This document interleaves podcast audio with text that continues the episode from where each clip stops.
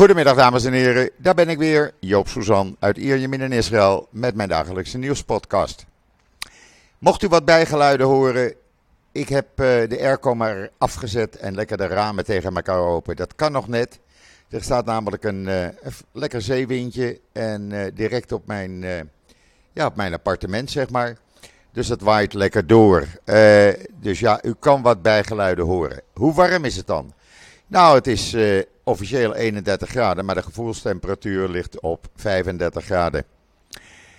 En dat uh, blijft alleen zo de hele week. Uh, het zal weinig veranderen. Dus ja, genieten eigenlijk.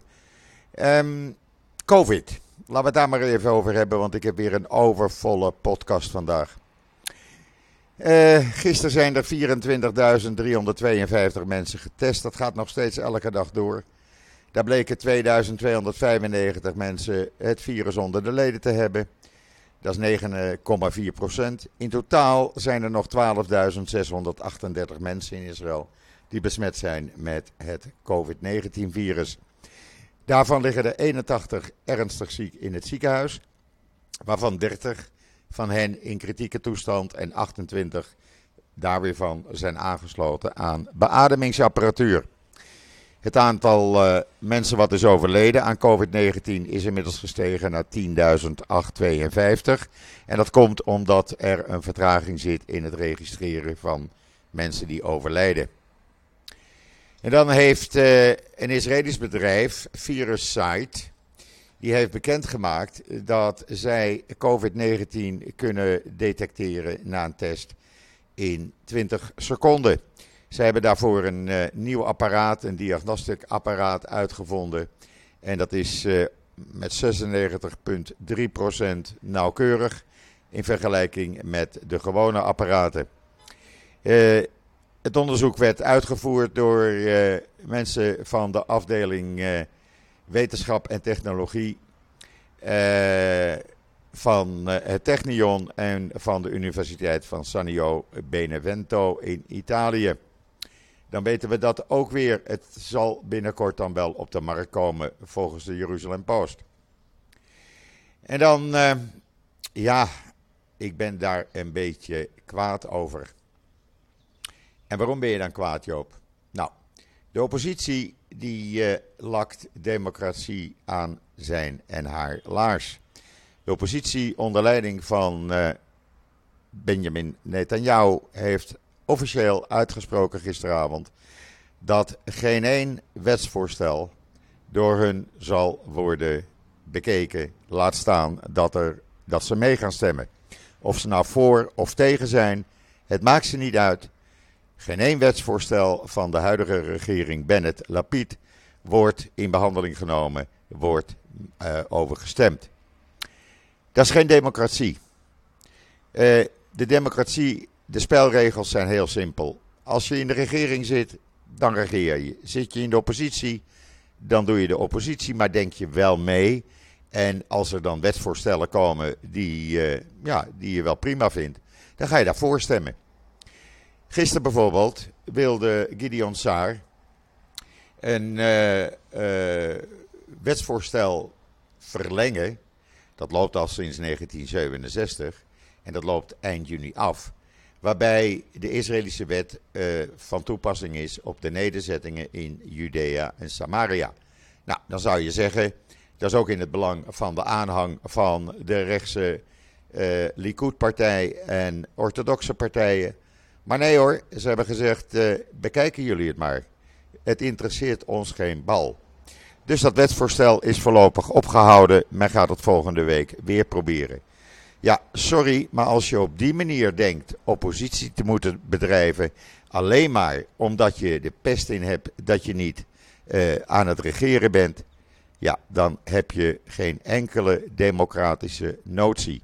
En Israël is een democratie. En dat moet net aan jou en dat moet meneer Deri zich ook uh, even kunnen bedenken.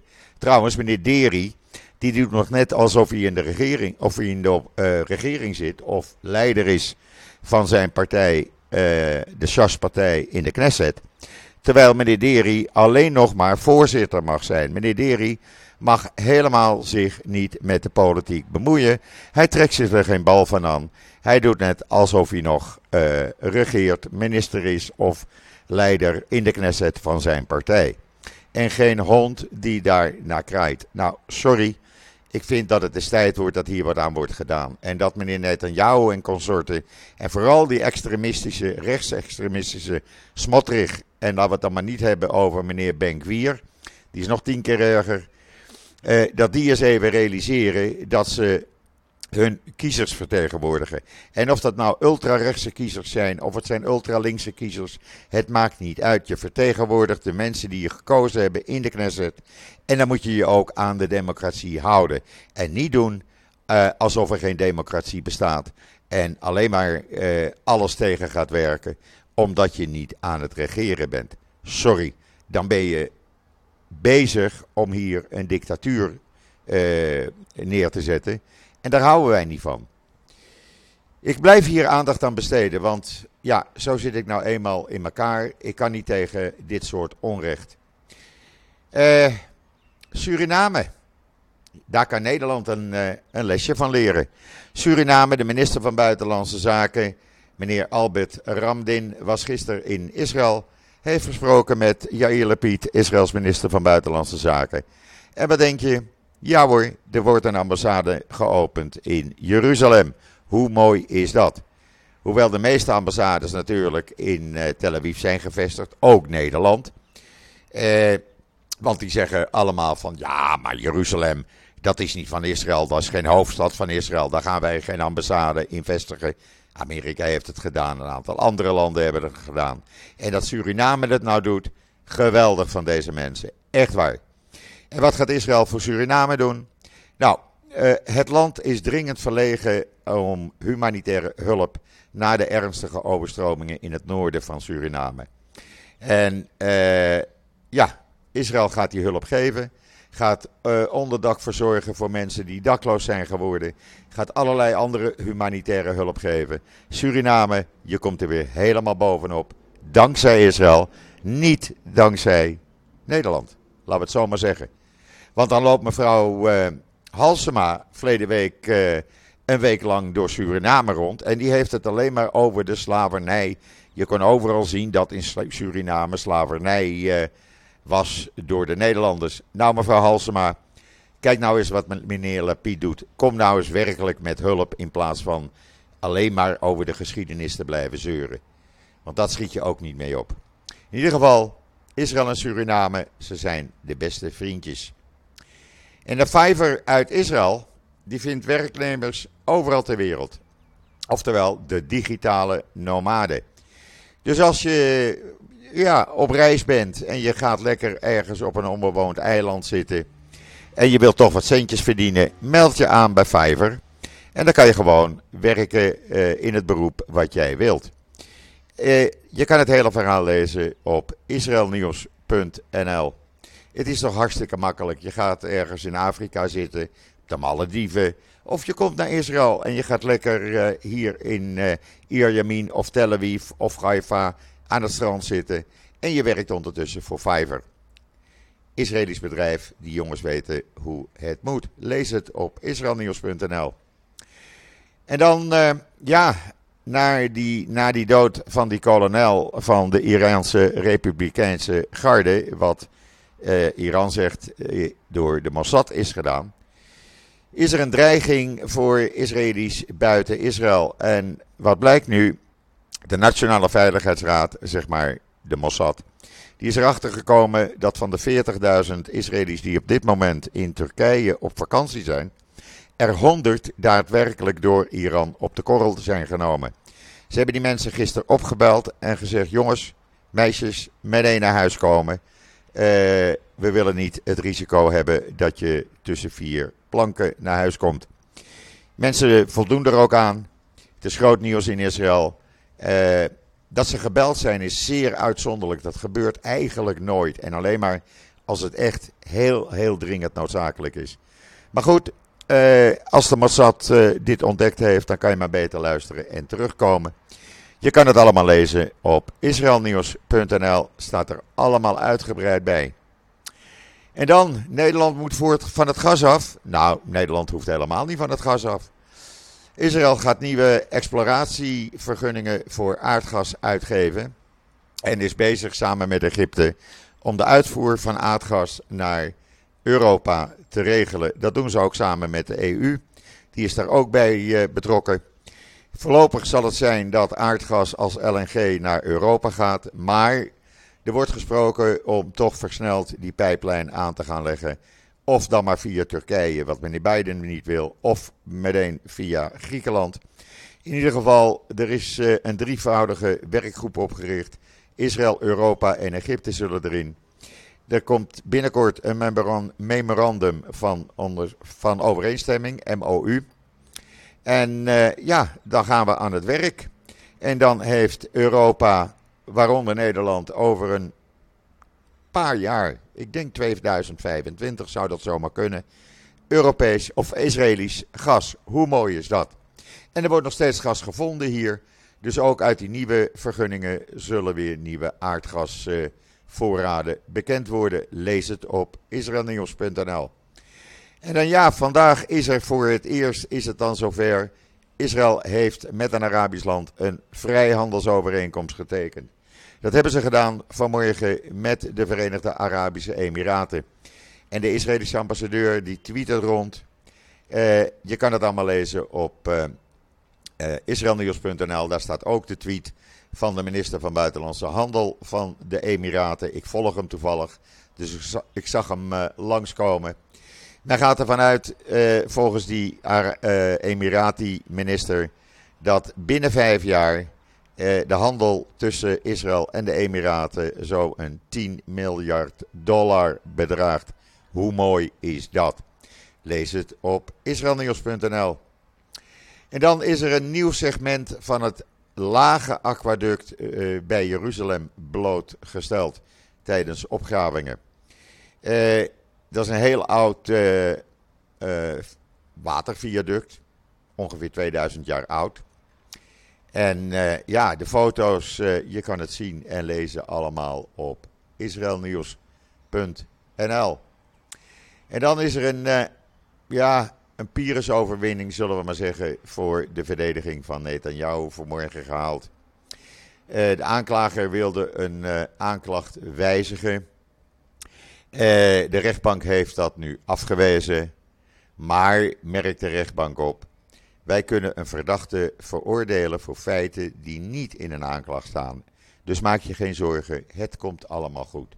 Netanyahu is dan wel blij en zit te lachen op de foto in de Jeruzalem Post. Maar ik denk dat het lachen hem binnenkort vergaat.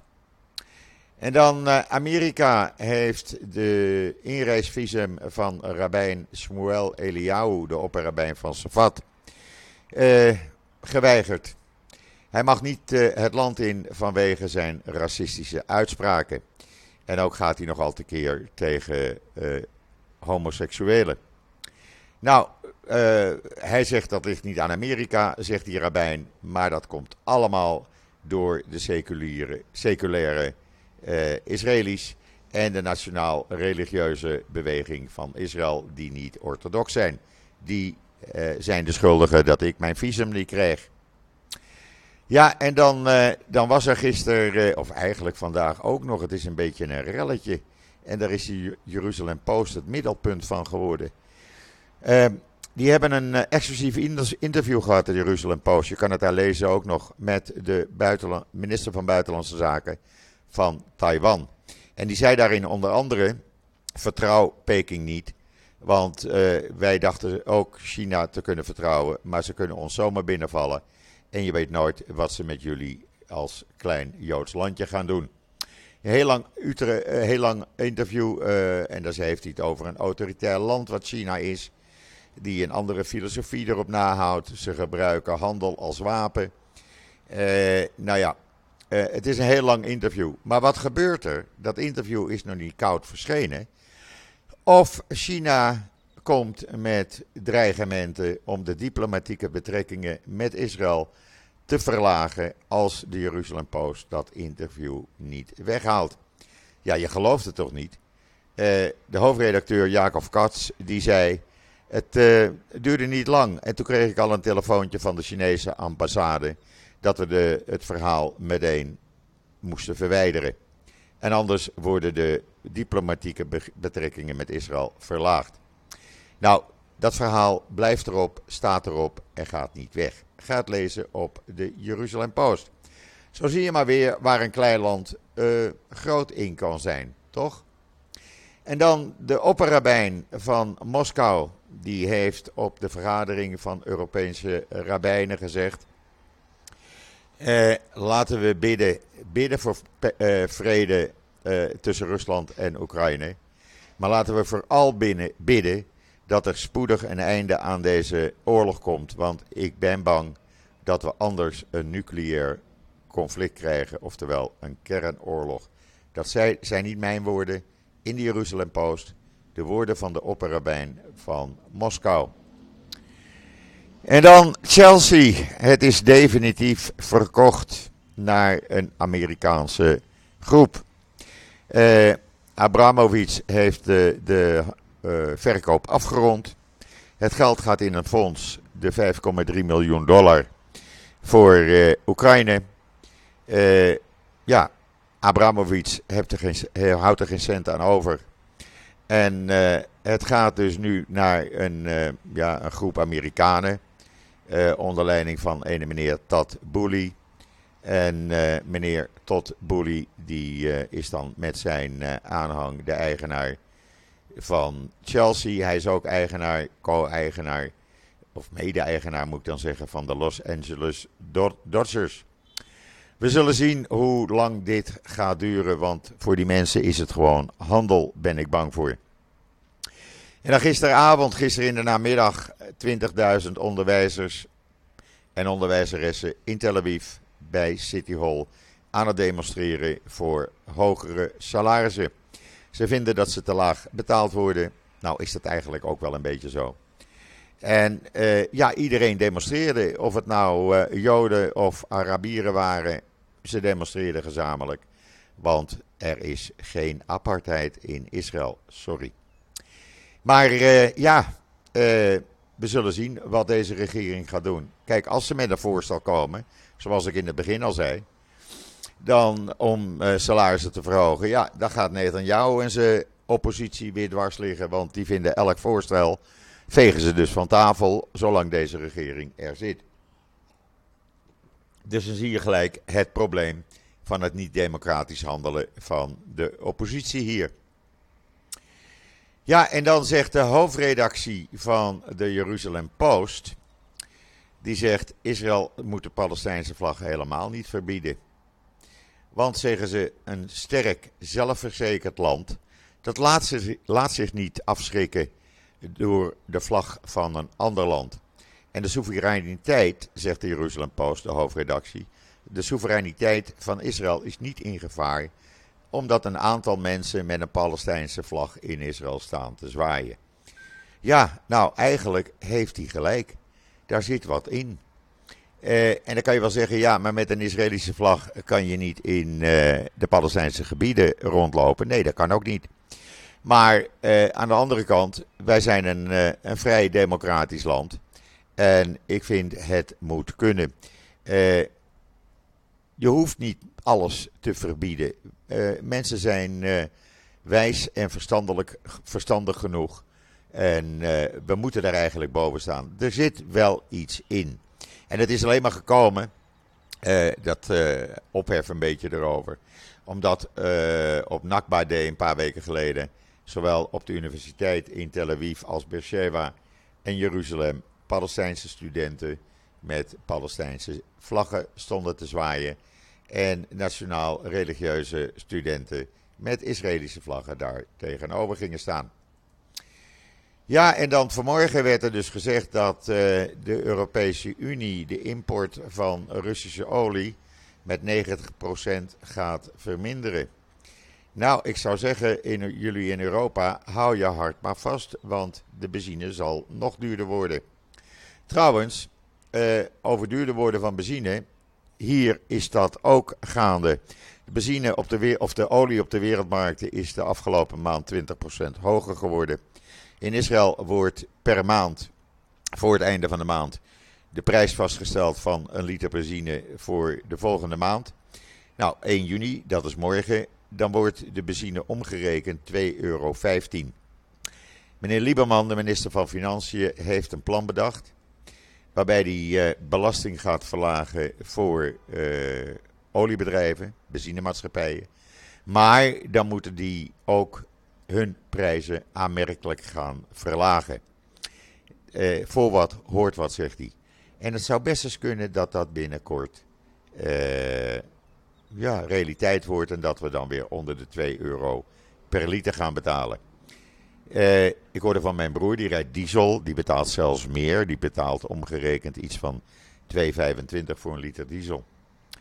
En dan diezelfde meneer Lieberman, ja, hij is tenslotte minister van Financiën en hij staat erom bekend dat hij geen, uh, ja, uh, ja, dat hij er vooruit komt om de waarheid maar te zeggen zoals het is. Hij draait niet om de feiten heen. Hij zegt, luister, al die ultra-orthodoxe scholen, uh, die zitten de hele dag in de Torah te lezen en ze drinken een kop koffie, ze eten een broodje, ze praten wat over politiek, ze lezen nog wat in de Talmud en dan gaan ze weer naar huis.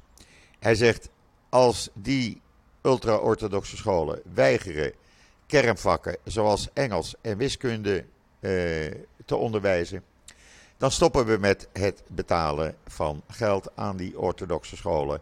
Want dat gaat niet op kosten van de Israëlische belastingbetaler. Daar doen we niet aan mee. Uh, je kan rustig de Talmud bestuderen. Maar die 105, 133 miljoen euro omgerekend, die wij wekelijks, of jaarlijks, sorry, aan die ultra-orthodoxe scholen geven. Ja, dat is niet om een broodje te eten, een kopje koffie te drinken en wat te praten over uh, religie en politiek. Dat doen we niet. Uh, je kan het lezen trouwens, het hele verhaal, want ik vind het wel een mooi verhaal, op The Times of Israel. En dan was er, uh, ja, er zal geen peiling zijn, er is altijd een peiling als er hier wat aan de hand is. Nou, er is een peiling geweest uh, over uh, wel of niet bidden. Dat is nu verboden door Joden, voor Joden op de Tempelberg. 40% zegt nee, dat moeten we niet doen. En ongeveer 50% van de Israëli's, de Joodse Israëli's, zegt tegen het Israël Democratie Instituut: ja hoor, we moeten eigenlijk Joden die dat willen een gebedje kunnen laten zeggen op de Tempelberg. Nou, dan weet u dat ook weer. Dat is uh, ja, eigenlijk het belangrijkste nieuws op dit moment uit Israël. Uh, hou mijn uh, Facebook en Twitter-account in de gaten. Als er wat te melden is, staat het daar natuurlijk. En heb je nog een eurotje over? Er zit een donatieknop op Israël Nieuws. Het zou zo makkelijk zijn even een paar euro over te maken. Mijn kosten gaan ook omhoog. En ik wil zo graag door blijven gaan om jullie allemaal van nieuws te blijven voorzien. Denk er maar eens over. Goed, wens ik iedereen nog een hele fijne voortzetting van deze laatste dinsdag van de maand mei. Uh, ja, het is nog steeds lekker weer hier. 34 graden. Ik ben er morgen weer en zeg zoals altijd: tot ziens. Tot morgen.